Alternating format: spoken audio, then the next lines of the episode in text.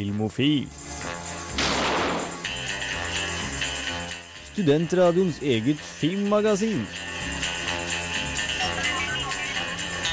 Lights ready. All set. Cameras.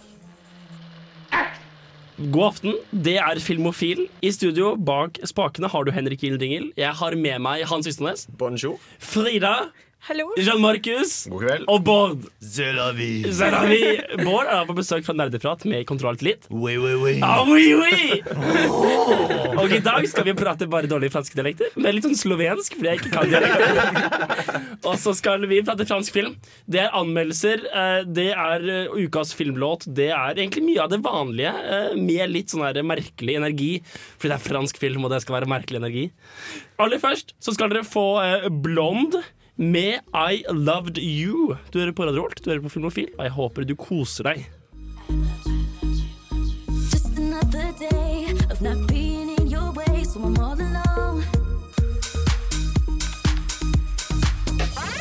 Filmofil gir deg nyhender fra filmen og fjernsynets i spanende verden. Det er filmnyheter. Frida? Ja, det er jeg som får gleden av å bringe dere nyheter fra den store filmverdenen i dag. Du er sånn 30 cm lavere enn alle andre i rommet. Jeg, ser- jeg ser det nå. Ja da. Mm, Så ok. film, heter fra nedenfra. Ja. Uh, vi starter med en gladnyhet for alle som likte siste X-Men-filmen. Det var vel mange som gjorde. Ja, Ja. absolutt. Det, og gladnyheten er at eh, Bryan Singer, som regisserte den, kommer tilbake til neste film. Nice. X-Men Apocalypse. Men det er ikke, ikke en Origins-film. Nei, Så bra. det altså, Vi får håpe at ikke Apocalypse er uh, origin. Det hadde vært litt trist. Det hadde vært forklarende for en del av linjene folk har gitt kom, kommet med, hvis de allerede har gjennomgått litt av hvert. Det er et referanse til dårlig Linagen. Den. Eh, jeg går rett videre. Jeg bare glatter over den. ja, det var veldig smooth. Uh, neste er at filmen Pride and Prejudice and, Prejudice and Zombies eh, lages. Eh, det er en eh, spoof av Jane Austen, men den får et overraskende awesome cast. Okay. Eh, nå har vi fått vite at halve Lannister-klanen eh, joiner. Oi. Nemlig eh, Charles Dance og Lena Headley, bedre kjent som Tywin Lannister og Cersei Lannister.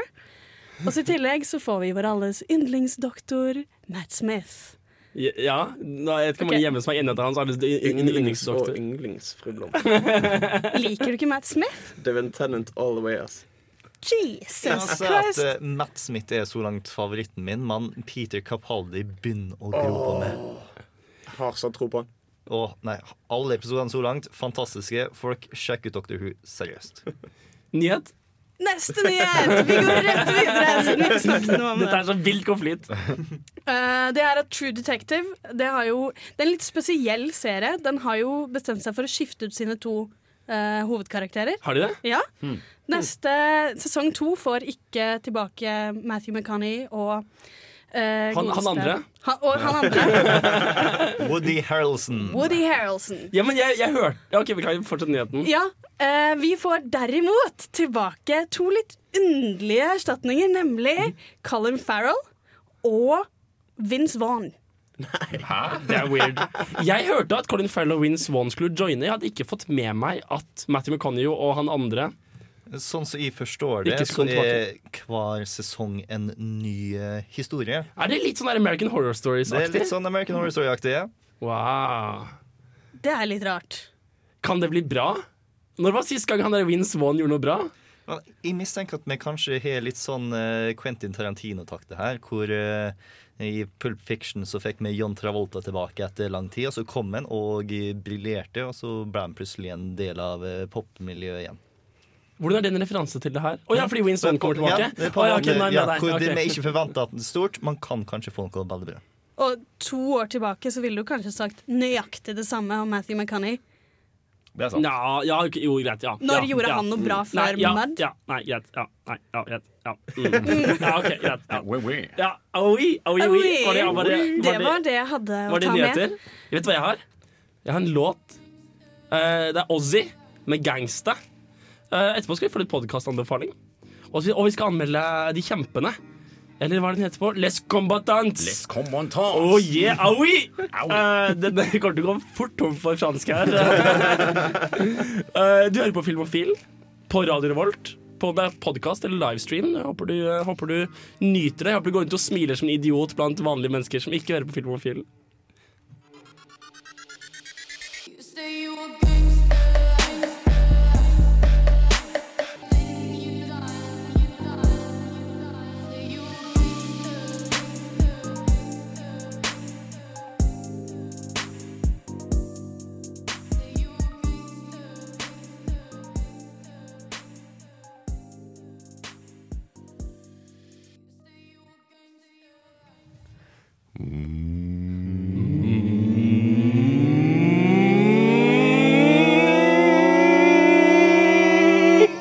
Filmofil anbefaler podcaster. Ja, det funker ikke så verst akkurat det. Eh, Bård, har du noen podkastanbefalinger til oss? Tilfeldig at du skulle spørre, for det har jeg. I løpet av den siste uka så har jeg forelska meg noe sjukt i en podkastserie fra Nerdist Industries som heter James Bonding. det er en eh, serie som eh, er laga av to karer som begge to heter Matt, og som begge to er sjukt store fan av James Bond. Så det de har gjort, er at de mer eller mindre har laga en bokklubb for James Bond. Nei, så kult. Eh, begge to sier James Bond hele tida uansett, men de får eh, tak i venner som også tenker å si James Bond. Og så setter de seg ned og så snakker de seg gjennom eh, filmen og plottet. Og så diskuterer de litt, og så diskuterer de hva eh, skurken gjorde feil, og hvordan han kunne gjort det riktig. Hvordan eh, eh, Når Bond-jenta gikk ifra å være sånn independent woman til å bli damsel in distress. Hvordan den måles opp mot andre, hvordan den var i forhold til Ayn Flemming-boka, og en hel haug med andre snacks. Så hvis du liker trivia, this one is for you. Ja, fordi de vennene er gjerne morsomme folk, gjerne komikere og folk som kan bære Ja. en samtale. Eh, han ene vet de er fra Nerdis Podcast, som tar og intervjuer en hel haug med kjendiser. Ja, han Matt. Ja. Ja. Han Matt og eh, Men eh, de tar alt, eh, ganske ofte og bare bryter ut i små sketsjer. er Sånn, kos. denne situasjonen er litt merkelig. La oss bare ta og ha morsomme stemmer og gå litt fram og tilbake og finne ut hvordan det var. Hvorfor Q oppførte seg så sint mot James Bond i den scenen. Hvorfor Ein Flemming og Roald Dahl tok og bytta litt på manuskriving. Ah, så kult. Fordi det var en ting de gjorde. Det er, det er dritfett ut. Jeg leste jo La Inn Flemming-bøkene i sommer, og det var jo, det var jo varmt. Jeg tror mulig jeg har nevnt det før, så vi kan ta, går vi rett forbi. Hvor mye minner egentlig de bøkene om filmene? Ja, men nå skulle vi gå rett forbi, Frida! Hører du ikke etter? Svarte kvinne. Og Eh. denne serien eh, blir selvfølgelig ganske finite, siden det er en begrensa mengde med James Bond-filmer. Så langt så har de faktisk kommet seg ganske langt. De har vel bare et par episoder til før de er ferdige. Så eh, hvis du begynner å høre nå, så er det godt mulig at de er ferdig innen du er ferdig med å høre sjøl. Hvis du er en sånn som trenger å ha hele sesongen ferdig før du begynner på en serie. Mm. Og eh, det er også en fordel å ta og se filmene før dersom du vil det, men det er ikke nødvendig. Eneste filmen jeg så før jeg hørte en av episodene, var Casino Royal.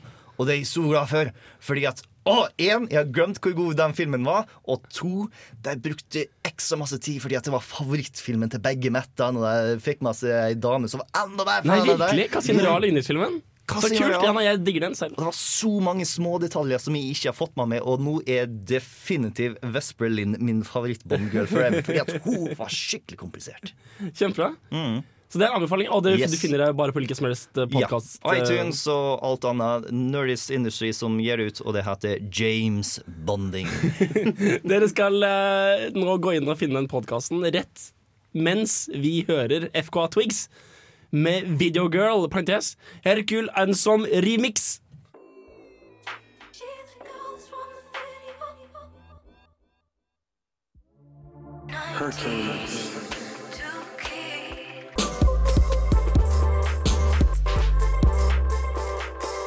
Le Madames et Messieurs, damer og herrer, det er på tide med fransk film. Det er det. Jeg har vært og sett eh, Les Combatants på kino. De kjempende, for de som ikke kan De kjempende på gode gamle norsk. Det er en eh, film jeg egentlig ikke visste så mye om, utenom at det kanskje var noen ungdommer og noe med Forsvaret å gjøre.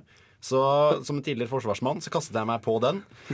Uh, litt spent på å se hva den egentlig handlet om. Og ja, du kan jo egentlig høre hva jeg selv tenkte.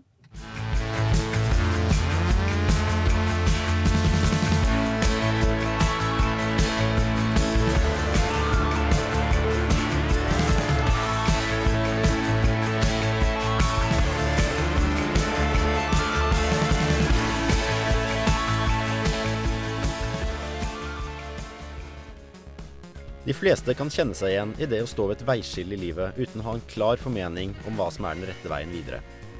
I filmen De kjempende møter vi Arnaud som befinner seg i nettopp denne situasjonen.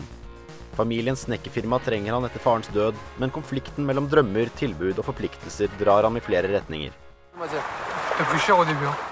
Tu l'as mordu ou quoi Non, je fais un point de pression sur le poignet. Bah putain, si c'est ça les meufs cet été, merci et vive la France. Hein. Dette er siste sommer, før vennegjenger splittes og alle skal finne sin egen vei å gå. Noen skal på utveksling, mens andre lar seg fascinere av den omreisende rekrutteringstraileren til den franske hæren. Så møter man Madeleine, en beintøff jente med klare visjoner om at verden vil gå under om bare noen få år. Hun bruker nesten all tid på å forberede seg på den kommende dommedagen, og Arnaud og Madeleines veier krysses gang på gang når han skal bygge et skjul i hagen til familien hennes. Madeleine melder seg på det hardeste sommerkurset den franske hæren tilbyr, og Arnaud, som er fascinert av denne jenta, følger etter. Allô, je vous entends très mal, lieutenant Schläfer. Il n'y a pas de lieutenant Schliffer. Ici Roméo, parlez. Madeleine, c'est bon là Charlie, ici Roméo, indiquez vos coordonnées. On est où, Jordan De kjempene, eller Les Combatants, som den heter på originalspråket, er en sårbar film om to mennesker som har et ønske om å være fullstendig uavhengig av alle andre. Som ønsker å legge samfunnet bak seg, slik at de er så klare som mulig til å stå på egne ben når det først kollapser. For alle som har vært ungdom, er det mulig å kjenne seg inn i denne viljen til å klare seg selv, selv om det her er tatt til det ekstreme. Je il est 10 heures. Comment t'es musclé Tu fais quoi dans la vie La macroéconomie. Bonne nuit. Man får et blikk inn i deres to helt forskjellige tankesett, og hvordan Madeleines stålsolide overbevisning trekker Arnaud med seg. Han fremstår som et ressurssterkt menneske med mye potensial, men som i stor grad lar seg påvirke av de rundt han. Og man stiller spørsmål ved hvilken stemme som er den rette. Je comprends rien. Qu'est-ce qu'on voit pas arriver La fin. La fin de quoi La fin. L'extinction. Ah ouais, carrément. Et alors, on doit se méfier de quoi alors De to hovedkarakterene romantiserer den fullstendige løsrivelsen og overlevelsestilværelsen. Der synes jeg filmen gir en flott og realistisk tolkning av hvordan virkeligheten ofte ikke lever opp til forventningene, og spesielt da ikke lengden. Det sies at størst av alt er kjærligheten, men her får vi se hvordan en forelskelse får Arnaud til å ta noen dumme valg han kanskje ikke ville tatt ellers. Filmens mest gripende aspekt er at Madeleine synker som et blylodd ned i en selvkonstruert drøm, og vi får se hvordan Arnaud blir dratt med i dragsuget. Faut faire une prépa pour rentrer dans l'armée Ça dépend du régiment que tu veux, en fait. Moi, celui que je veux, c'est un des plus durs, donc ils prennent pas n'importe qui.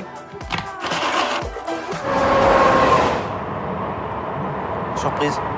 Qu'est-ce que tu fais là Bah, je viens faire le stage comme toi. De kjempende er en film om ungdom som er nødt til å finne sin egen vei.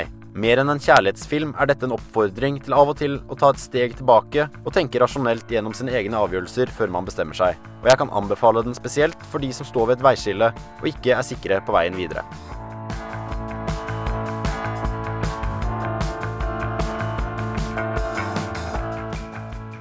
Ja, De kjempene. Hva syns vi? Hørtes det bra ut? Ja. Ja? Ja.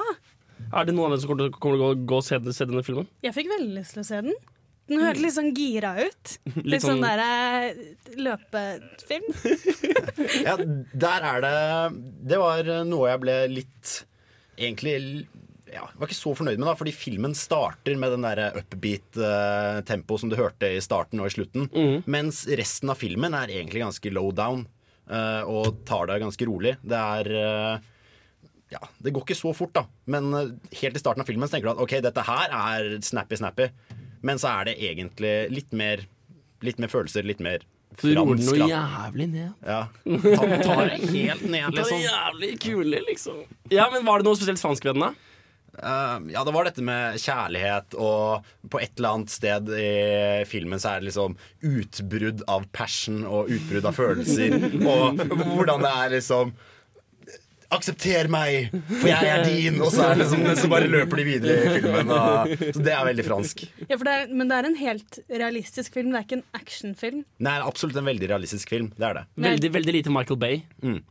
Og det morsomme er at jeg kjenner meg eh, litt igjen i dette med folk som Hun jenta, Madeleine, som er i filmen, hun har jo på en måte forberedt seg på dette dette sommerkurset og er jo steinhard, drikker makrell putta i blenderen til frokost og svømmer under vann med stein i sekken og sånne ting.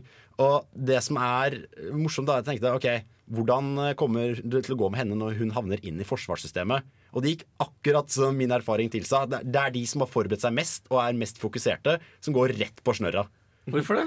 Jeg vet ikke. Jeg tror det er et eller annet med at du er ikke avbalansert og sindig nok til å fungere i et uh, sånt system. Så hvis du er beinhard og på en måte har forberedt deg til dette her da, siden ungdomsskolen, så er det Det er aldri de det blir noe av, altså.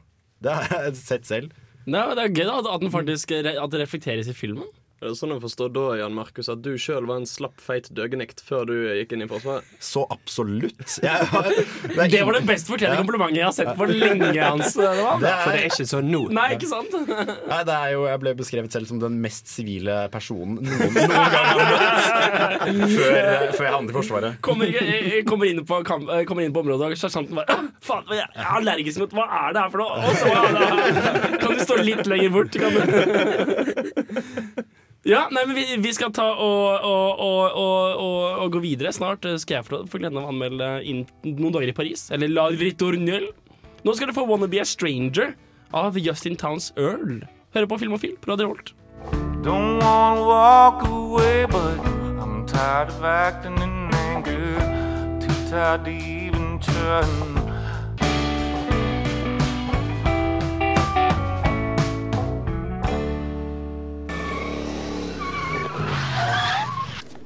My calculations are correct. When this baby hits 88 miles per hour, you're gonna see some serious shit. Du hører på Film og Film på Radio Revolt. What did I tell you? 88 miles per hour!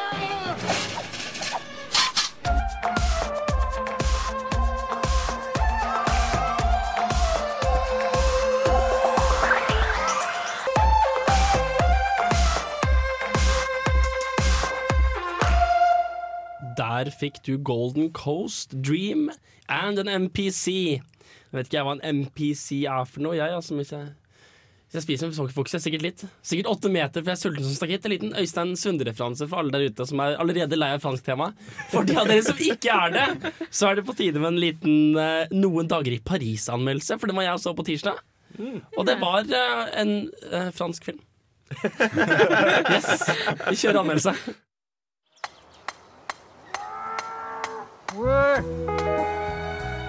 Ça pourrait être joli, non, ce diadème sur sa tête On va être disqualifié, c'est ça que tu veux Allez, range-moi ça et continue de brosser. Noen dager i Paris, eller La Ritournelle, er en fransk film skrevet og regissert av Marc Fitot. Jeg har ingen sterke følelser for denne filmen, den var helt ok. Historien omhandler et ektepar som driver kyr på en gård. Hun er misfornøyd, drar til Paris og møter en kjekk danske, Michael Nyquist. Hovedrollene spilles av Isabelle Huppert og Jean-Pierre Darosa. Michael Nydquist er med også. Ikke så mye med som på den norske plakaten, der han står ved siden av Isabelle, men mer som i den franske plakaten, der det bare er et bilde av Isabelle og Jean-Pierre blant masse kuer. La meg fortelle deg hva jeg likte med filmen. Det er godt skuespill. Karakterene er genuine og naturlige. Dette inntrykket er delvis basert på undertekster, så det kan godt være jeg er helt på jordet. Det gjør denne filmen også bra. Både gårdslandskapet og Paris fremstilles på en koselig og myk måte. Rolig filming, klipping og musikk som passer godt til historien. Ça s'appelle croque tofu. On t'a complètement perdu là. Mais quoi, ça change C'est bien d'essayer des nouveaux trucs. Mais moi j'ai pas besoin de goûter pour savoir que c'est dégueulasse, un croque tofu. Fokus skifter mellom ektemann og hustru, og det er disse to vi får innblikk i. Det er her karakterutviklingen skjer, mens resten av galleriet er enkle og endimensjonale. Det at det bare er disse to som har dybde, gjør det så ukomplisert at filmen ikke trenger å forklare oss hva som skjer. Den klarer å skape stemning og sette oss inn i karakterenes følelser og valg bare ved å vise oss hva de gjør. Elle va revenir, vous inquiétez pas. Et comment tu sais ça, toi Parce que je le sais, voilà. Je suis monté à Paris. Je l'ai vue avec un homme. Elle vous aime, votre femme Og negative ting? Ja, nei, altså jeg vet ikke. Jeg ble ikke truffet. Kan det være jeg ikke er i målgruppen? Altså, filmen sier dype ting. Hvordan man ser på livet sitt, og hvordan alternativer kan se lysere ut. At gresset alltid er grønnere på den andre siden. Den handler om å ta ansvar og kjenne på hva man har lyst til å legge til vekt for livsvalgene sine. Dette er gode ting, men jeg tror enten det vil være ukonstruktivt gjenkjennelig eller uforståelig. Den vil ikke gi noen en aha-opplevelse. Jeg ville nok ikke betalt for å se denne på kino. Moren min ville kanskje det. Terningkast fire. Mora di. Jan Markus er som bidrar. Mora di.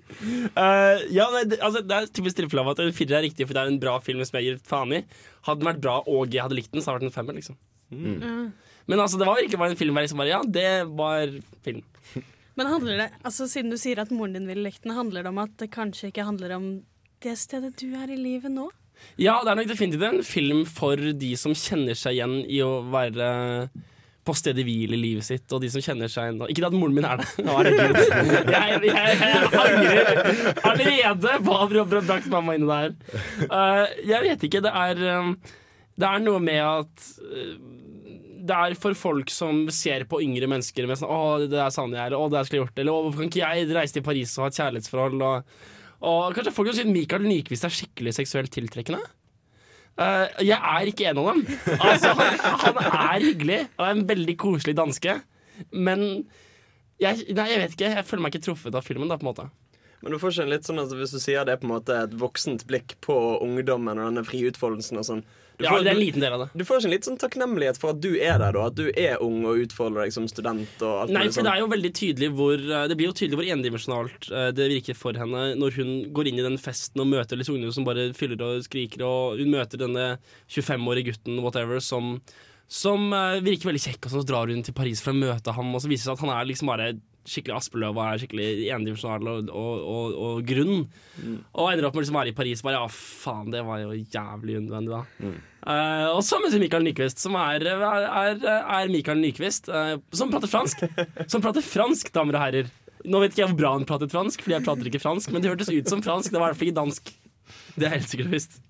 Nei, så det var, eh, det, nei, det var interessant. Det var um, Altså, det var mye bedre enn 1001 gram, som jeg så etterpå. Jeg så 1001, etter- 1001 gram etterpå med Ane Dahl Torp, som handler om Justervesenet, i en time.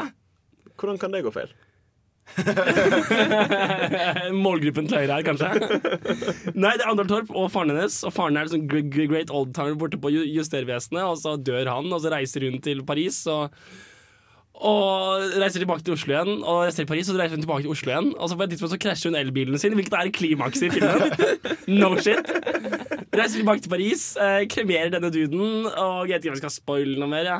Det, er, det, er, det, er, eh, det er en lang film. Veldig stilistisk fotografert. Ja. 1001 gram, hva er dette relatert til? Det er fransk film. Som er mindre interessant enn Jeg, jeg har for altså- lengst gått tom, tom for ting å snakke om om denne andre filmen. Ja, men hvorfor heter den 1001 gram?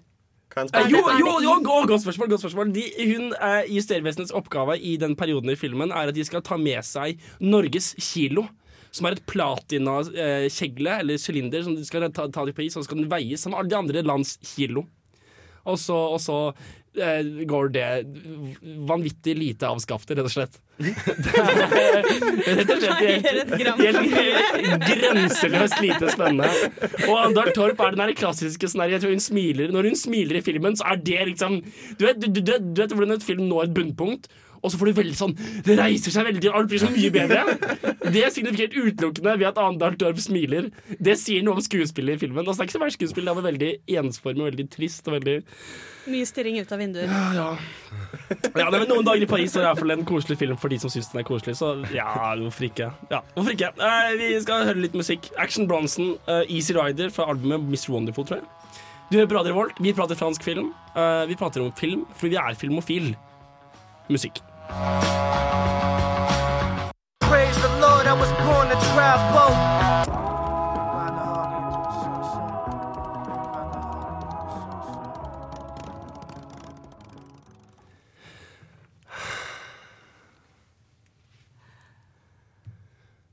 Hører noen regne? det, er- det, det å mime røyking og det å mime at man lener seg mot, mot veggen i, i studio, er litt vanskelig på radio. Se for dere at, eh, at, eh, at røyket henger tett under spotlightsene. Eh, Frida ligger henslengt i et hjørne i rommet. Og, naken. og, naken og ser, og ser Hun ser ut som hun kjeder seg. Hans sitter og leser bok med ett ben over den andre. med, med hva du drikker? Du drikker rødvin, gjør du ikke det? Jeg drikker rødvin. Eller portvin. Nei, rødvin, kanskje. Nei, rødvin. Eh, Jan Markus sitter og, sitter og skriver fanatisk i en bok. Jeg, jeg står og lener meg ut og liksom Sin City, merkelig nok, utover, eh, utover eh, mot vinduet og ser ut på en eh, regntung trondheimskveld. Eh, vi, skal, vi skal prate om fransk film. Eh, Frida? Takk. Det, når man snakker om fransk film, så får man veldig den følelsen av et eller annet som man ikke vet hva er. Det er liksom, det er det pretensiøse folk sier at de liker. Så er det sånn Å ja, nei, jeg ser ikke sånn populære filmer, jeg ser bare fransk film. Og hva er det egentlig de mener?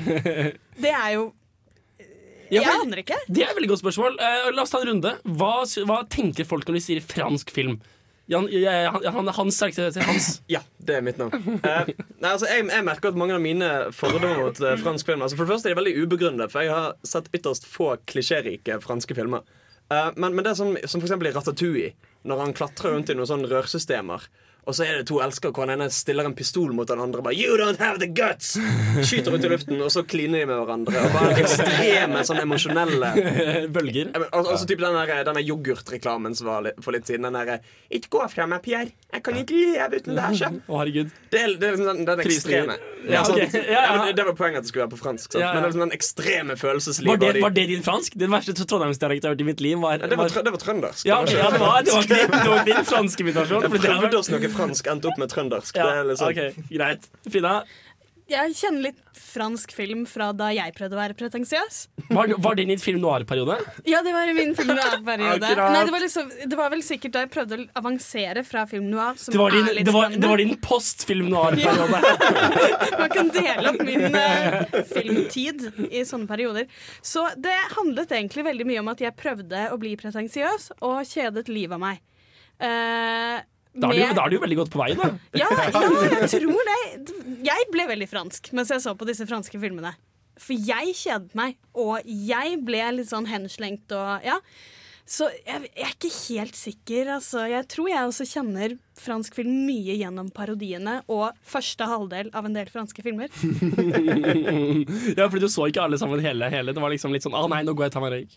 Ja, litt sånn Ja, litt den Litt stilen. den. Jeg har eh, noen fordommer mot fransk film, har jeg lagt merke til. Det er eh, litt sånn man sitter og ser på en fyr som sitter på kafé eller noe, og så drikker han et halvt glass rødvin, og så røyker han sigarett, og det varer i fem minutter.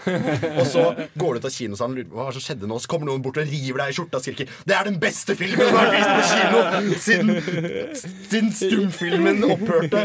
Det er jo Det virker som det er et eller annet som går fullstendig over hodet Ja, til den oss, oss enkle mennesker da, som bare ikke forstår dette her. Og eh, jeg er en av de som ikke er et enkeltmenneske, for jeg har en bachelorgrad i filmvitenskap. Og folkens, denne bachelorgraden her kommer en god del timer med fransk film, skal jeg si. deg. Den franske nye bølgen på 60-tallet, da en hel haug med unge mennesker elsker mediefilm, men samtidig hater alle de strenge regelverkene som de gamle mennene har tatt og putta med det, og bla, bla, bla. Og det jeg lærte aller mest, er at det å sovne under en svart-hvitt svart fransk film er det beste i verden. Nei, stolene var harde, men jeg sov som en baby. Ja, det er ut utrolig pen fremstilling. Jeg, jeg minnes øyeblikkelig den Dylan Moran-sketsjen om, om franskmenn. Hvor liksom eh, mannen våkner opp, han er inntullet i, han i lakenet. Solen skinner inn i vinduet fordi klokka er tolv, fordi man sover alltid klokka er tolv. Han lusker ut på kjøkkenet naken. Fra, fra beltet ned. Han har bare på seg skjorte. Der sitter en naken kvinne og røyker og sier Hvor har du vært? Jeg har elsket deg fra kjøkkenet i en time. og, men altså, jeg tenker også at fransk film er en glede for de galskapene som jeg oppfatter at oppstår mellom mennesker. Du ser det veldig mye i sånne franske filmer hvor, liksom bare, hvor folk bare godkjenner veldig syke ting. Vi kommer tilbake til det når jeg skal prate om Luke Besson og taxifilmene. Det er vel også litt sånn at eh, det er for en litt spesiell type mennesker. At det er for de spesielt interesserte, vil du ikke si det? At, eh, Jo, for filmelskeren som Ja. ser mer enn bare liksom, eksplosjonene. hvis du på en måte har guttekveld da med pils og potetgull, og så skal dere bli enige om film, og så drar du opp, drar du opp en eller annen sånn VHS på så svart-hvitt VHS og sier Ja, gutta, jeg har en god fransk en. Ja, Sjekk, sjekk responsen da. Ja, med artisten, originalen. Ja. Men jeg tror egentlig også min tilnærming var den riktige, for jeg tror nok det er litt for folk som ser klisjeer fortere enn vi gjør, vi som liker eksplosjoner og sånn. At når du blir lei av det, så finner du sikkert noe skikkelig substans i den stillheten som vi bare syns er pretensiøs. Ja, men altså Dere som likte Drive, var jo allerede langt forbi meg på å plukke ut. Jeg mener, eh, plukke ut innholdet av stillhet. Vi skal ta og høre på en liten låt før vi fortsetter eh, disku diskursen. Det er Cold War Kids med First.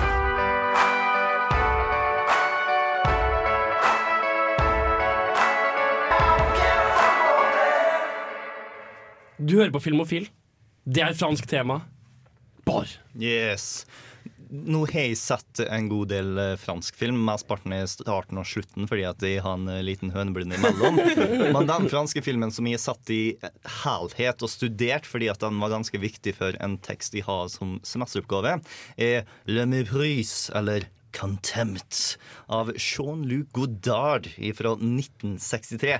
Dette er en av historiene fra den franske nye bølgen, folkens. Og eh, handler om en eh, manusforfatter som skal ta og jobbe på en film med Fritz Lang. Fritz Lang er en ganske kjent uh, tysk regissør fra den uh, tyske ekspresjonismen fra 1920-tallet. This is a big deal, på! Uansett. Filmen handler om uh, delvis om det å være imellom kunst, som er representert av Fritz Lang, og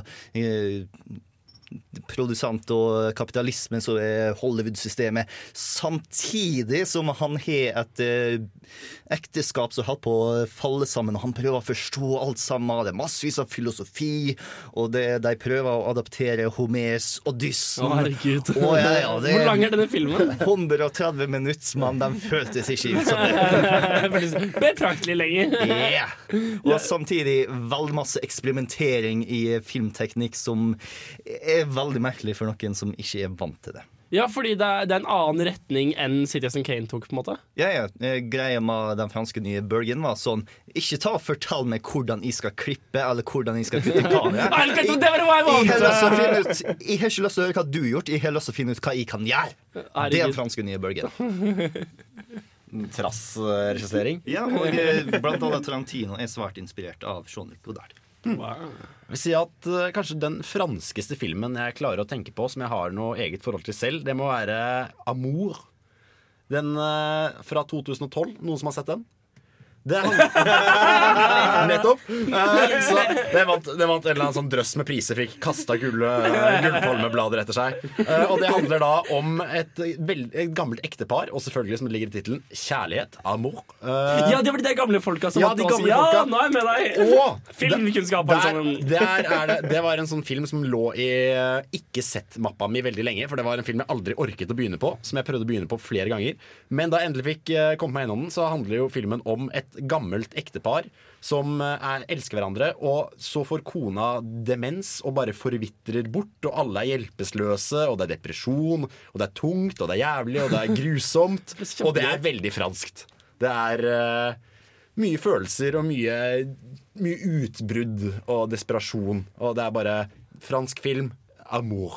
Herregud. Den har vel egentlig ikke fransk regissør? Har den vel? Ikke ødelegg! Den er, den er regissert av Michael Hanke, men den er En tysker? Det, vet- det vet vi ikke. Det høres litt tysk ut. Men- Bård, Bård, kom igjen, du, du, du, Ja, jeg er rimelig sikker på at han er østerriksk. Ok, Som Arnold Schwarzenegger. med andre ord. Var det, så du noen Schwarzenegger i denne filmen? Det var, det var veldig, lite Schwarzenegger, men akkurat som det er Ingen Choppa-referanser eller noe sånt? Nei. typisk for fransk film at jeg har gått noe rett over hodet mitt. Så det kan Ja, hende ja. at det var noen Schwarzenegger-referanser inni der. Mye Schwarzenegger-referanser inn- inni der. Jeg har egentlig tenkt å fortsette din, din trend med en fransk film ikke regissert av en franskmann, men faktisk den filmen som skremte livet av meg og gjorde at jeg ikke så så mye mer fransk film. Nemlig første del av eh, Three Colors. Eller Les Tres Coleurs. Triologien til Kieslowski. Nemlig Oi. blå. Klimaks! Blå. Med det så kan jeg egentlig si at den filmen jeg egentlig hadde tenkt å ta, var blå er den varmeste fargen, men den har jeg kanskje nevnt en gang før. Du kan Så- muligens ha nevnt den en gang før. Pluss at du kommer definitivt til å nevne den neste uke. Ja, Så ja jeg- sant det. Så vi kan holde den litt den tilbake. Kjempebra. Uh, jeg har faktisk tatt for meg en helfransk film uh, som førstemann. Jo, det stemmer. Uh, jeg har sett, skal vi se om jeg klarer å uttale den franske tittelen. Eh, Le bruit de glaçons. Det betyr selvfølgelig The clink of the eyes. Og handler om en, handler om en alkoholisert, gammelt svin av en alkoholiker og en forfatter som har eh, barrikadert seg i en villa langt faen oppe i skogen sammen med, sammen en veldig unge elskerinne.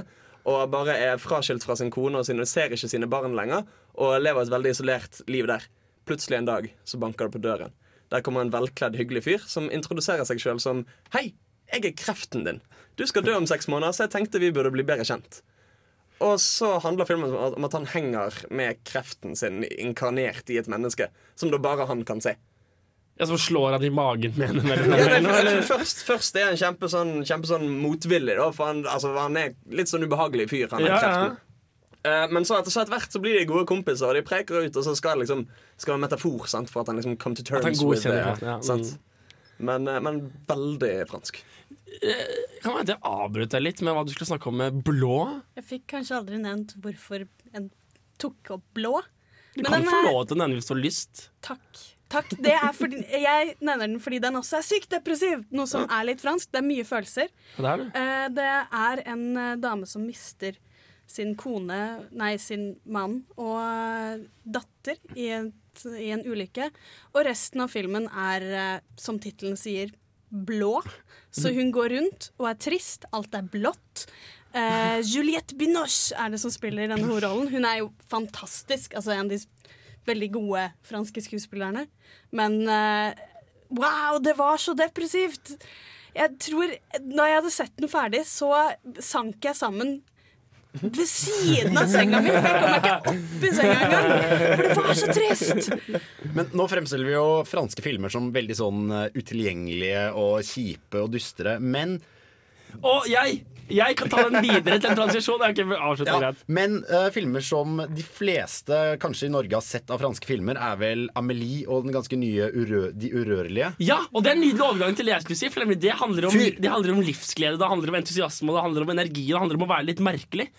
Og Taxi fra 1998 er en Luc Besson-film i beste Luc Besson. Og det er utrolig morsomt og quirky, og du har liksom en dude som setter seg inn i er, Du er liksom i, eh, i den der um, franske byen som jeg har glemt hva, hva heter. Eh, Et eller annet Paris. M. Paris. Nei, M, M for Milan. nei, det er Italia. Montmartre. Nei, OK. I del hvert fall Ikke vær sånn. Eneste stedsnavnet jeg kan. Eh, ikke Montepillier heller, men vi nærmer oss. Um, ikke Nei, det er Canada. Geografi med Jeg tenkte vi skal begynne med, inn- med quiz-stikk. Så dette er på en måte uh, Nei, i hvert fall det er utrolig morsomt. Det er for eksempel en businessdude som setter seg inn i taxien i midten av denne byen og spør Jeg skal må til flyplassen så raskt som mulig. Da er du sikker? Ja, ja, så. OK. Og så liksom skrur han om på knapp, og bilen heves opp et par ting. Bytter ut hjulene, kommer på vinge bak. Han tar av rattet og setter på et racingratt, og duden bare Og så kjører han seg gal gjennom byen på sånn to minutter. Det er dritgøy. Og det er utrolig morsom film. Eh, vi skal ta og, og gå videre. Det er nå på tide med å høre på Einar Stray Orchestra med Polytricks. Etterpå blir det ukas filmlåt. Eh, dere kan gjette hva slags type låt det er. Nei, det, er en fransk låt. Jeg skal ikke ødelegge Jeg, jeg, jeg, jeg skal holde dere i spenning. Det hører på Radio Revolt. Det er Filmofil.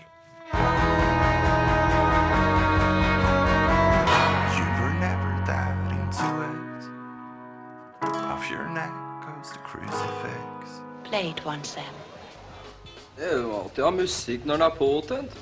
Helst noe indisk eller pakistansk. Ukas filmlåt. Ukas filmlåt. Det er min nye greie. Det er jo gjenta det siste som blir sagt til ethvert tidspunkt. Det var litt irri- irriterende med sånne rap-sanger og sånn. da. Fuck the police.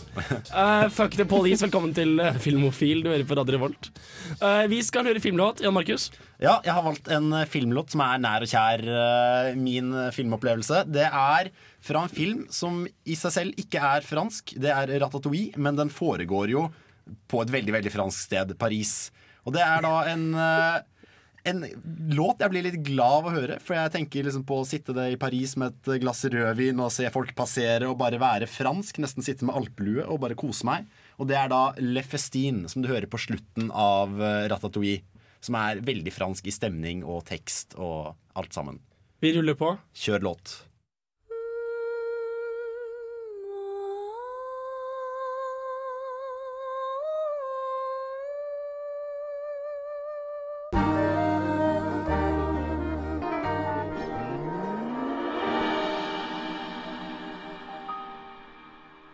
Ah, mi amor. Jean-Pierre, eller bare Pierre blant venner, har akkurat kjørt fra Lyon til Marseille. 2CV-en hoster seg så vidt inn på torget, og han går ut av bilen. Det er natt. Det er litt Det er litt tåke i gatene. Han fyrer opp en sigarett. Mot han kommer det gående en kvinne. Hun har på seg trenchcoat og òg en sigarett i et langt, svart munnstykke. Hvilket er litt interessant, fordi det gikk ut av dato for sånn 50 år siden. Gir litt sånn surrealistisk stemning til greia. Men det er et frampek. Hun er ikke fra denne tiden. Hun er ikke engang fra vår verden. Hun er fra hans tankespinn. Ja, fordi idet hun kommer mot han, og, og leppene deler seg litt sånn sensuelt, så kommer det plutselig en tilfeldig forbi som bare går rett gjennom henne som luft. Og du bare wow! Fuck! Hva? I filmen understreker de òg dette med at hun er i svart-hvitt, mens resten av filmen er i farger. Er ikke det litt for åpenbart? Hvis de hadde vært i The Sixth Sense, så hadde jeg gjettet at Ja, OK, jeg skal ikke spoile, men Eller kanskje det er hun som er i farger, og resten av verden er svart-hvitt? Åh, det er et kult tillegg. Ja, og så da? Bor han i denne byen her, eller eh? Nei, nei, han er selvfølgelig bare på gjennomreise. Han- Ja, fordi Tosevien ja. gikk selvfølgelig i stykker. Ja, ja. Selvfølgelig. Og 2CV-en er er jo selvfølgelig den gamle modellen. Den Ja, altså- virkelig gamle med 16 hestekrefter. Ja, så det er noe at Han dytter 2CV-en sine langt disse bro brosteinlagte gatene i Marseille. Eh, og Så kommer han til den lille, lille garasjen, den lille Citroën-garasjen, og så er det lys i et enkelt vindu oppe. Og der sitter gamlefar som mekker på Citroënger. Sitter våken, selvfølgelig. Og han spør selvfølgelig denne gamle mannen Har dere ledig, og så svarer han at nei. Men så ser han mannen, og så går det opp et lys for han. Og han skjønner at dette her dette er en mann på gjennomreise. Så han kan da sove selvfølgelig på loftet, som er sånn en enkel halmemadrass. Ja! Fordi det er på 1900-tallet, men de har en halmemadrass. halmemadrass og borti hjørnet så står det et gammelt melkespann som er tomt, men det får han aldri se oppi. Nei, nei, definitivt. Og så, og, og så eh, Vet ikke jeg. De, må i hvert fall ha en, de må ha en hel halvtimes lang samtale. Hvor, hvor duden sitt hode er gjemt ned i panseret på denne Citroëngen mens de snakker sammen om livet. Og de Ja, når de sover, når han sover på hal- halmmadrassen Han har gått og lagt seg, og over han, bøy, over han så bøyer denne kvinnen seg. Kvinnen i farger, han i svart-hvitt. Hun Ja, er tar mørkt, og det er sensuelt. Og de tilbringer en het natt sammen som vi får se litt for mye av. eller eller alt, alt for mye av. Og når han våkner opp, så er hun selvfølgelig borte. Uten et spor igjen, annet enn én rødfarget fjær. Ja, eller, eller en løsnegl eller et eller annet sånt noe. Nei, bare, se- ba, Løsnegl Hva sykt! Eller bare en sånn sigarett Bare en sånn sigarettube. Bare den finner han. Ja, en oransje sigarettsneip. Ja! Og så og så- og eh, avslutningen av filmen er at han kjører ut av byen igjen i denne Citroën, som fortsatt hoster, vel å merke. Og så ser han et bild, Så ser han mot et bilde han har stående i bilen av sine foreldre. Om ett så innser han at det var hans mor. ja, ok, greit. Ja. Nei, jeg tror vi jeg, eh, jeg, Vi har musikk! Jøss navn. Eh, James Vincent McMorrow fra albumet Post Tropical. Uh, When I Leave. Du hører på fransk Filmofil på Radio Revolt.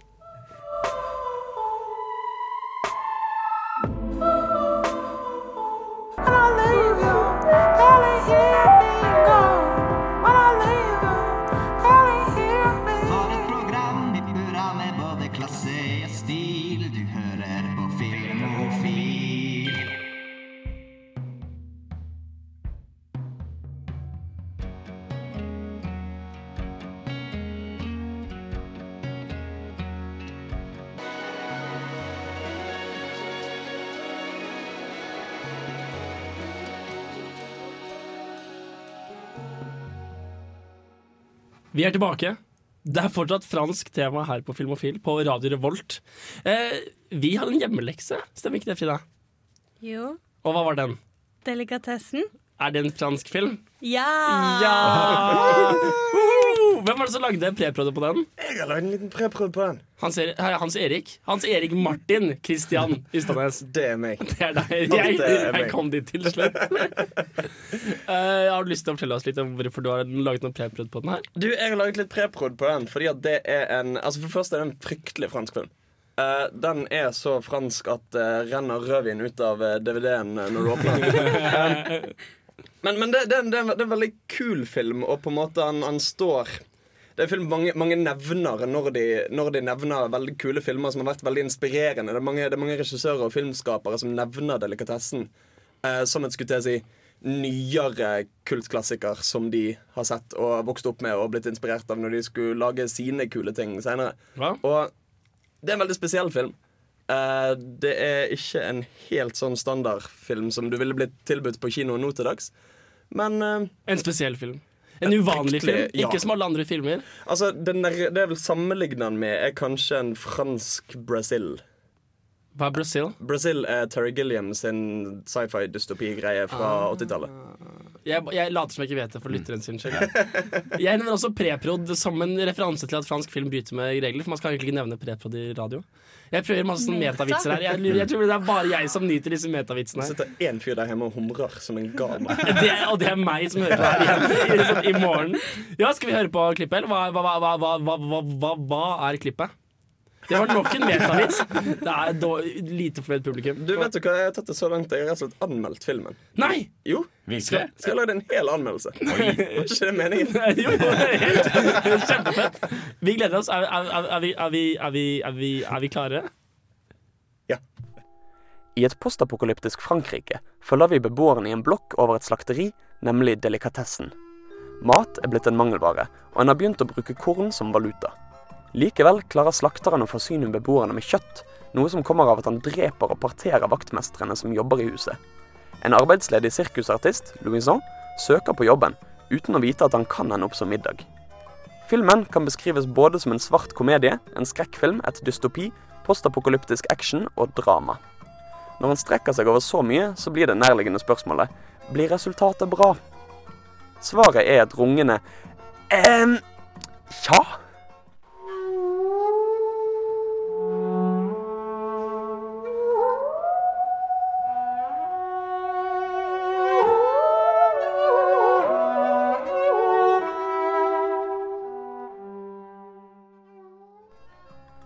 Mange som ser delikatessen for første gang, vil nok beskrive den med ett ord rar. Og ja, filmen er rar. Filmen tar i stor grad for seg Louison, som prøver å innynde seg hos de øvrige beboerne, og slakterens datter, som forelsker seg i Louison. Hun kontakter derfor de revolusjonære vegetarianerne troglodistene for å kidnappe han og dermed befri han. Alle, absolutt alle karakterene i filmen er eksentriske på sitt vis. Du har sirkusklovnen Louison, brødreparet som hele dagen sitter og lager trebokser som lager dyrelyder, mannen som bor i en oversvømt kjeller som er stappfull av frosker og snegler, og kvinnen som gjør stadig mer innviklede forsøk på å ta sitt eget liv pga. stemmen i hodet hennes. Troglodisten er et kapittel for seg sjøl, en udugelig gjeng motstandsfolk som bor i kloakken iført heldekkende svarte regnfrakker og hodelykter.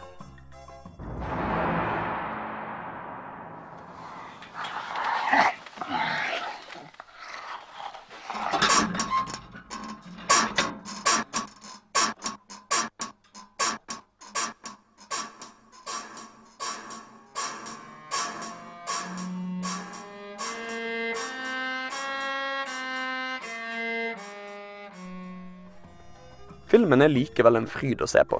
Visuelt sett er hele filmen trist, gulbrun og skitten, uten at inntrykken sitter igjen med det samme. Vi får aldri se mer enn det som er inni og rett utenfor huset alle bor i, men stemningen er klar. Samfunnet har kollapset, og framtiden ser mørk ut. Så godt som alle beboerne i huset har innfunnet seg med kannibalisme, og begynner til og med å mase på slakteren når han venter med å drepe Louison. På tross av dette blir filmen aldri pessimistisk. En får aldri inntrykk av at filmen er ment som samfunnskritikk, men heller som en kuliss for en sær komedie.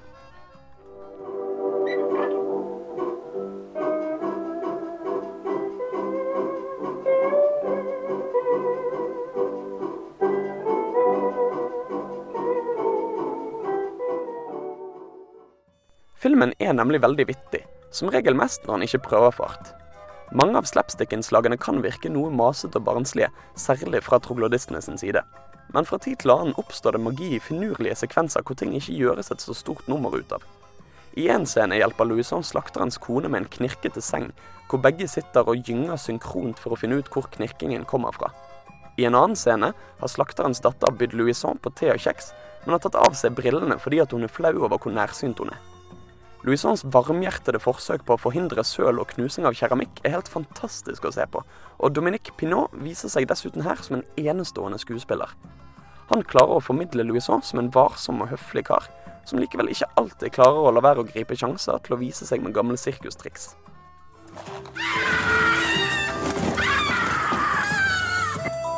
Tiens, je suis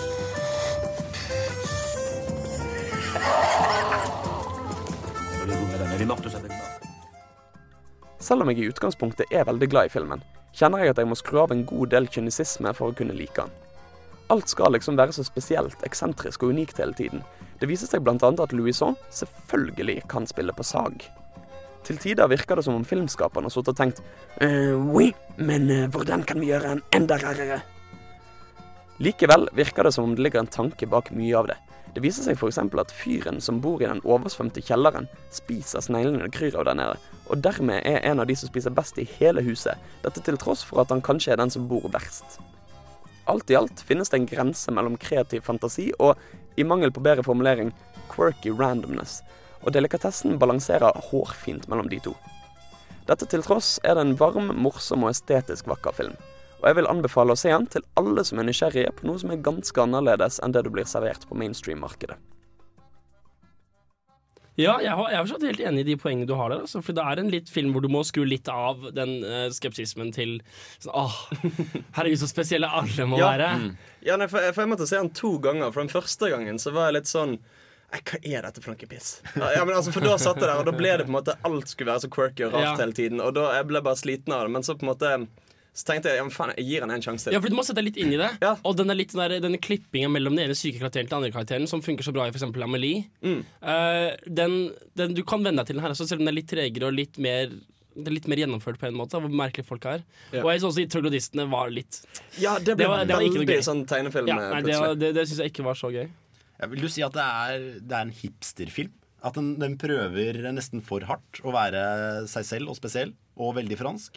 Nei, altså jeg vil ikke si at det er en hipsterfilm. Altså, eller, altså kan, Kanskje, Nå vet ikke jeg hvor mange det er som har sett den filmen. Jeg vet ikke om det er en film alle har sett, eller om det er for spesielt interesserte. Det er litt for spesielt interessert. Men, men, men, men, men jeg syns det spiller litt på den der eh, Altså, altså den der tingen som er noe med bare det at du har veldig mange rare og snåle eksentrisiteter ved deg, gjør deg int automatisk interessant. Litt den Mm. innstillingen er sånn Juno. Sånn Oh, I'm on my hamburger phone.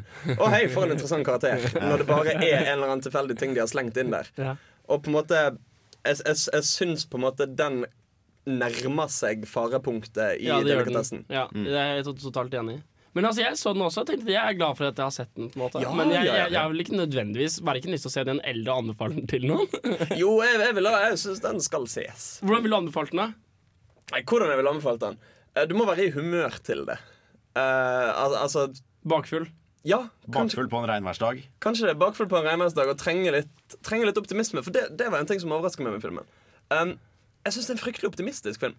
Altså Selv, selv om det er masse gørr og um, kannibalisme og alt mulig sånn, så får, sitter du med en god og varm følelse. Er det en litt fransk greie? At det på en måte er noe litt sånn en livsstahet bak alt sammen? der? Så er det sånn man overlever så mye negativitet som vi har snakket om i fransk film? Fordi det ligger en livsstahet bak det? på en måte Jeg vet ikke, Kanskje det er eh, litt fransk å gå mot strømmen hvor det, i samfunn hvor du har alt og sitter på kafé og drikker rødvin og er røyker. Så er det suger livet og alt være svart-hvitt. Og når du ikke har noen ting, så er det egentlig helt greit.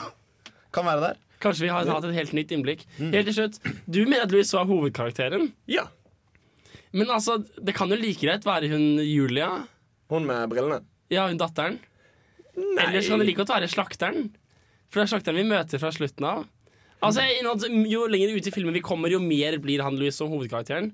Men det er ikke sånn vi ja. egentlig følger han mest. For eksempel, Vi har den sekvensen hvor Julie går rundt i, i uh, vi, har, vi, har, vi har den sekvensen hvor hun reiser ut ned i kloakksystemet. Ja, det, ja, men det er for så vidt sant. Du Jeg er litt, jeg er litt usikker på hvem det er som er hovedkarakter i den filmen. Ja, nei, det, det kan jo fort bli til at jeg forventer at den liksom eh, unge mannen i filmen skal være hoved, eh, Ja. hovedpersonen. At jeg, at jeg på en måte blir litt farget av det, da. Ja. Eh, så det ja, har jeg ikke er, tenkt er på. godt poeng. Du identifiserer med det. Hos deg så er alltid hovedkarakteren den som ligner mest på deg i Ja, filmen. sant. Mm. Du vet han hovedkarakteren i Avengers, han, eh, han, han derre agent. Nei, vi skal ta og uh, kjøre på med Torgeir Valdemar og Streets. Jeg syns dette er så deilig Neil Young-aktig låt. Åh, Radio Revolt, Filmofil.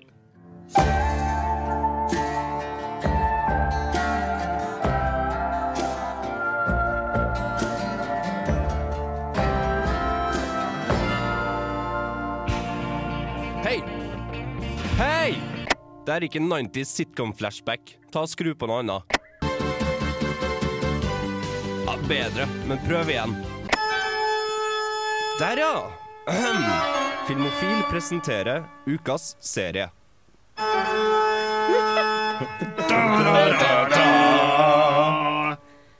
OK, vi har gått videre til Vi har gått videre til eh, en annen veldig viktig del av eh, i hvert fall min opplevelse av Frankrike i barndommen. Det er at de er veldig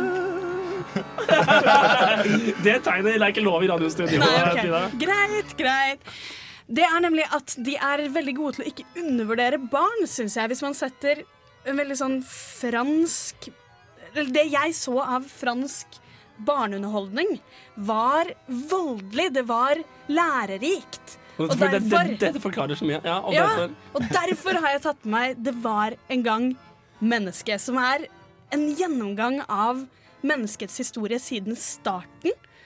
Um, hvor de har noen karakterer som går igjen i hver tidsepoke, som de bruker til å geleide barn gjennom menneskets historie. Ja, for dette har gått på norsk TV også? Ja. Det høres kjent ut. Ja, Det er Du jo kjenner jo igjen denne Toccata flotte fuge kjenner jeg fra et annet sted, OK?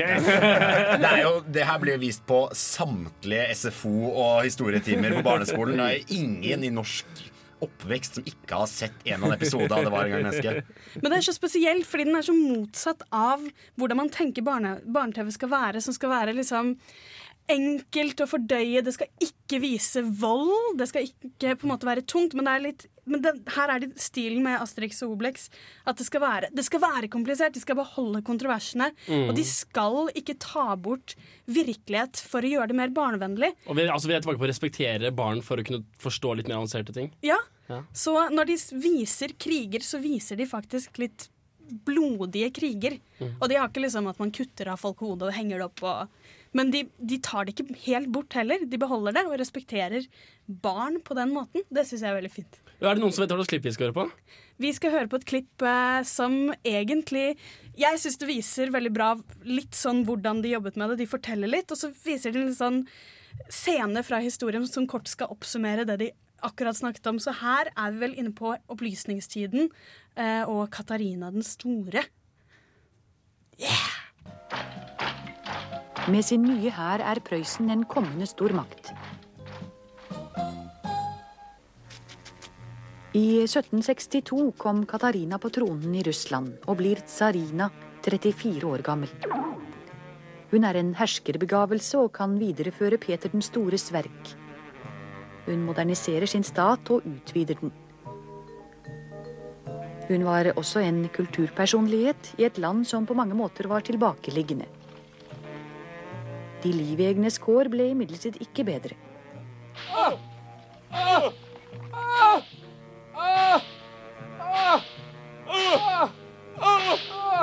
En slik behandling skulle jeg gjerne gi visse personer. Når Katarina tar imot Diderot, sier hun. Deres prinsipper lager fine bøker, men dårlige mennesker.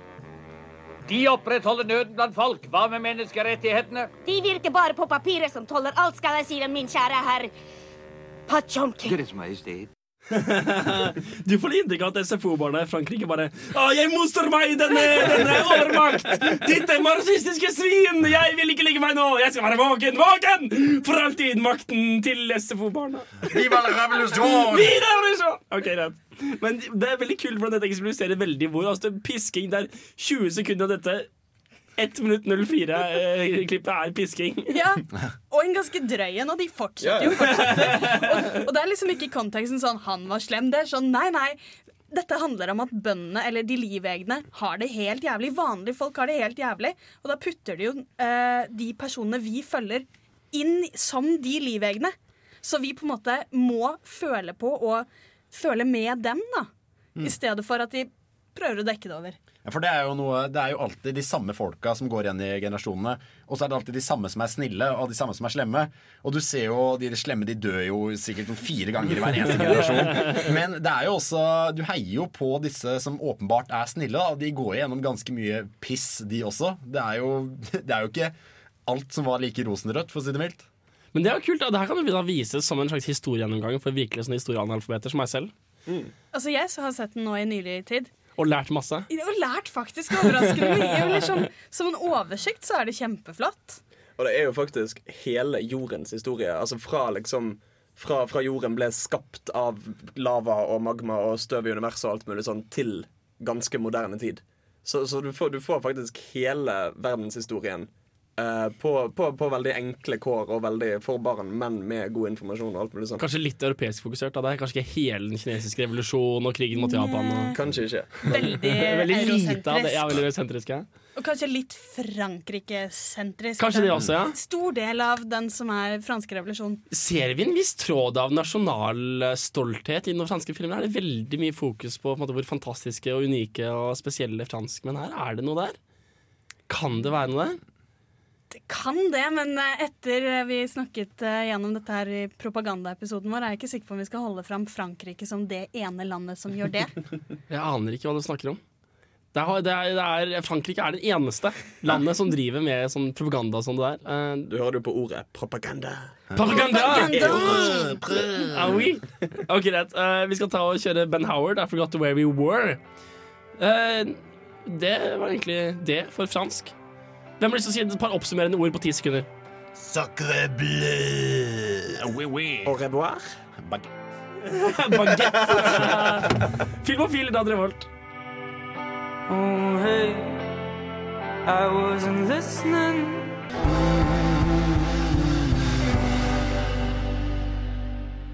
Velkommen tilbake. Jeg benytter nå sjansen til å prate litt, bare meg, til forskjell. Litt, eh, endelig litt Henrik-tid, liksom. uh, um, vi var, jeg og jeg tok med meg Jan Markus som fotograf til Nova. Du vinker, og du er så søt. uh, jeg likte det. Det var, det, var, det var veldig god stemning. Vi dro til Nova kino for å svare på pressevisningen til Jakten på Berlusconi, hvor vi møtte Odd Magnus Wilhelmsson, vi møtte, møtte han der eh, Edvard Schultheis. Schultheis han, og vi møtte Atle Antonsen. Så jeg, etter at vi var, alle tingene var gjort og alle, alt var signert, og sånn, så stakk Jan Markus av gårde med Schultheis og Wilhelmsson, og jeg dro med meg Atle Antonsen inn på et rom, og vi hadde et, en kulturprofil der jeg bare pratet så fort jeg kunne med han i sånn 18 minutter. For Det var jo ikke snakk om at jeg skulle få intervjue Atle Antonsen. Der var det jo Senioritet! Du, du fangirla jo så hardt. Ja, jeg, jeg kunne jo ikke ta dette Det er fra ikke- deg. det- jeg- ikke jeg- at du hadde gitt det fra Jeg deg kom heller. inn på kinoen og ble så overrasket over hvor slått jeg ble av å se han i virkeligheten. Og jeg ble virkelig, ble egentlig litt sånn berørt av hvor glad jeg egentlig er i Atle Antonsen. For han er en av, en av mine yndlingskomikere i, i Norge. Han er, eller egentlig yndlingskomiker i det hele tatt. Og jeg ble så inspirert av hans radio og misjon og alt mulig rart. I hvert fall. eh, Dette gjorde, til, dette gjorde jeg til et eh, kulturprofil for Under dusken, så det er på eh, dobbeltside der nå, hvis du finner frem til Under dusken. Hvis ikke, så kan du laste ned på PDF. Det er også en nettsak på dusken.no. Og det er også en lydsak. Og nå skal dere få et bitte lite klipp av den lydsaken hvor jeg fangirler hardt og prøver ikke å ikke lage for mye lyd. Så hvis du skulle snakke om dine inspirasjoner til å bli komiker Nei, eh, altså først så var det jo eh, nok Monty Python, altså. Jeg var veldig tidlig Monty Python-fan. eh, og, og ikke minst selvfølgelig John Cleese, som jeg faktisk fikk mulighet til å jobbe med for fem år, fire år siden i Spektrum. Hadde et show sammen med han og Bård Harald. Det var jo jævlig morsomt. Uh, til det. Men uh, nei, han, har alltid vært en stor helt. Han synes jeg liksom, han, jeg syns jo han var verdens morsomste mann på et tidspunkt. For det første så er han jo en bright type, men han er jo også en kombinasjon av at han både kan gjøre utrolig kule karakterer, har et sånn bråsinne som jeg setter pris på, og i tillegg så har han jo funny bones. De er ikke noe rart at britene er eh, dyktige på å drive humor i forhold til hva slags samfunn de jo lever i. Det er jo såpass eh, stivt overklassebasert at det å ta avstand fra det og bryte med det er ganske enkelt. Da. Og det gjorde jo definitivt de når de begynte på 60-tallet. Vi må ta og faktisk ta, og ta litt spørsmål her. Som Ja, er planlagt. det, fordi det er lov. eh, Alt blir jo bedre når man har planlagt det, bortsett fra teatersport. Så Hvor planlegger dere i, eh, i Misjon? ja, der planlegger vi jo ingenting. Gjør dere ikke det? Nei, der Er planlegger det vi ingenting. improvisert, alt Ja, alt er improvisert. Dere men- forbereder lokalnyheter. Ja, de får vi jo tilsendt. Ikke sant? Så vi bare plukker ut de beste. Men eh, det er improvisert i den forstand at vi i løpet av en uke så plukker vi ut temaer vi vet vi kan snakke om. Men vi snakker aldri om det på forhånd, for vi vil at det skal være spontant. Så hvis vi merker på forhånd at vi sitter klokka ni og begynner å snakke om en samtale som kan bli til noe, så slutter vi samtalen med en gang. For vi vet at den blir bedre på lufta fordi det blir spontant. Så da, det, det er viktig for oss å beholde, det. da. Det blir dårligere med en gang vi har eh, Noen ganger har vi hatt et poeng som vi har tenkt på på forhånd og prøver, prøver å gjøre det. Og det blir aldri så bra som når det kommer der og da. Ikke, ikke i radio. Herregud, vi, men vi er kjenner hverandre så godt også etter hvert at vi vet på en måte at vi har hverandre, og, og vet at vi kan regne med at dette kommer til å funke. Til en viss grad. Og det der er da 18 minutter med Henrik må lære seg å holde kjeft! Faen! Jeg vet ikke helt hva du sa Jeg klarte ikke helt å høre hva du sa på slutten, men det var et eller annet med Atle, kan jeg ta på deg? Nei, nei, det, det det faktisk var, var Å, herregud. Jeg sa faktisk Å, herregud, du hørte, du hørte det opptaket. Ja, det er to separate øyeblikk i det opptaket hvor jeg bare og du hører det. Og jeg, jeg faktisk klippet ut de aller verste bitene. Jeg bare, jeg er så jævlig bra svaring! Å, herregud! Hardon! Jeg sier faktisk hardon på et tidspunkt også. Uh, nei, det var utrolig gøy. Og, og det der var litt mer seriøse biten opptak av, av eh, intervjuet. Det er mye morsomme biter også. Uh, det er hovedsakelig Atle Antonsen som prater, fordi han bare uansett hva jeg spør han, så bare får han det til å bli noe dritbra. Dere kan gå inn på Facebook på Filmofil, og der ligger det linket til denne nettsaken med lydintervjuet. Det var det eh, vi skal prate om neste uke. Hva er det som er tema neste uke? Helt fort, anyone? Kvinnelige antagonister. Ikke protagonister, ikke Nei. hovedroller. Nei! Men den som står imot. Den som er motparten som protagonisten skal spille mot. Skurken, altså. Skurken. Så nå har vi da i løpet av denne uka oppdaget at eh, Frida er litt feminist, og det kommer til å bli en del feministtemaer denne, denne semesteret her. Jeg hadde så mange forslag når noen foreslo at vi kunne snakke om kvinner. Ja, det egentlig var, e- egentlig var planen bare å prate om kvinner i film. altså, vi kan prøve sånn 17 alternativer. Det hadde ikke vært gode stikk. Nei, nei, det er egne tema. Ha, det, dette er starten på en lang serie egentlig bare om kvinner i film. Tror jeg. Eller det er min plan, da. ja, men jeg jeg liker den ideen. Altså, kvinner i film sett gjennom øynene av, av, av tre litt sånn dudes og, og en feminist. Ja. Vi tenker jo også å bytte navn til Frida Fil og bare snakke om kvinner i film. Ja, Ja. utelukkende. Ja, Det dette har vært min plan hele tiden. hva er ukas hjemmelekse, da? Uh, ukas hjemmelekse er en veldig tidlig uh, kvinnedramafilm som heter All About Eve. Mm. Med Bette Davis i hovedrollen som den kuleste filmdivaen noensinne. altså, åpningsskuddet av henne er hvor hun tenner en røyk, og så sier hun nei til et glass vann. Og det er bare Karakteren er satt fra, fra øyeblikket man ser henne. Hun er så bra. Og så er det henne og en ung skuespillerinne og deres samspill.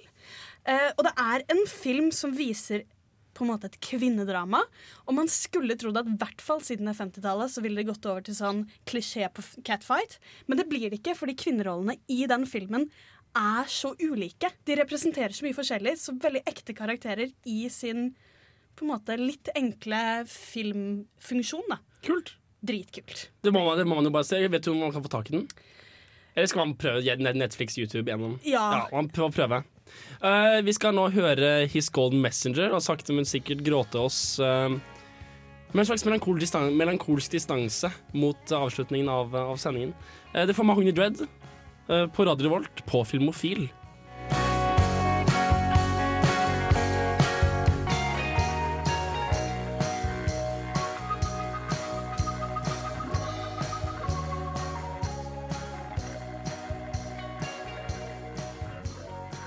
Ja, damer og herrer, da har vi kommet til avslutningen av dagens Filmofil.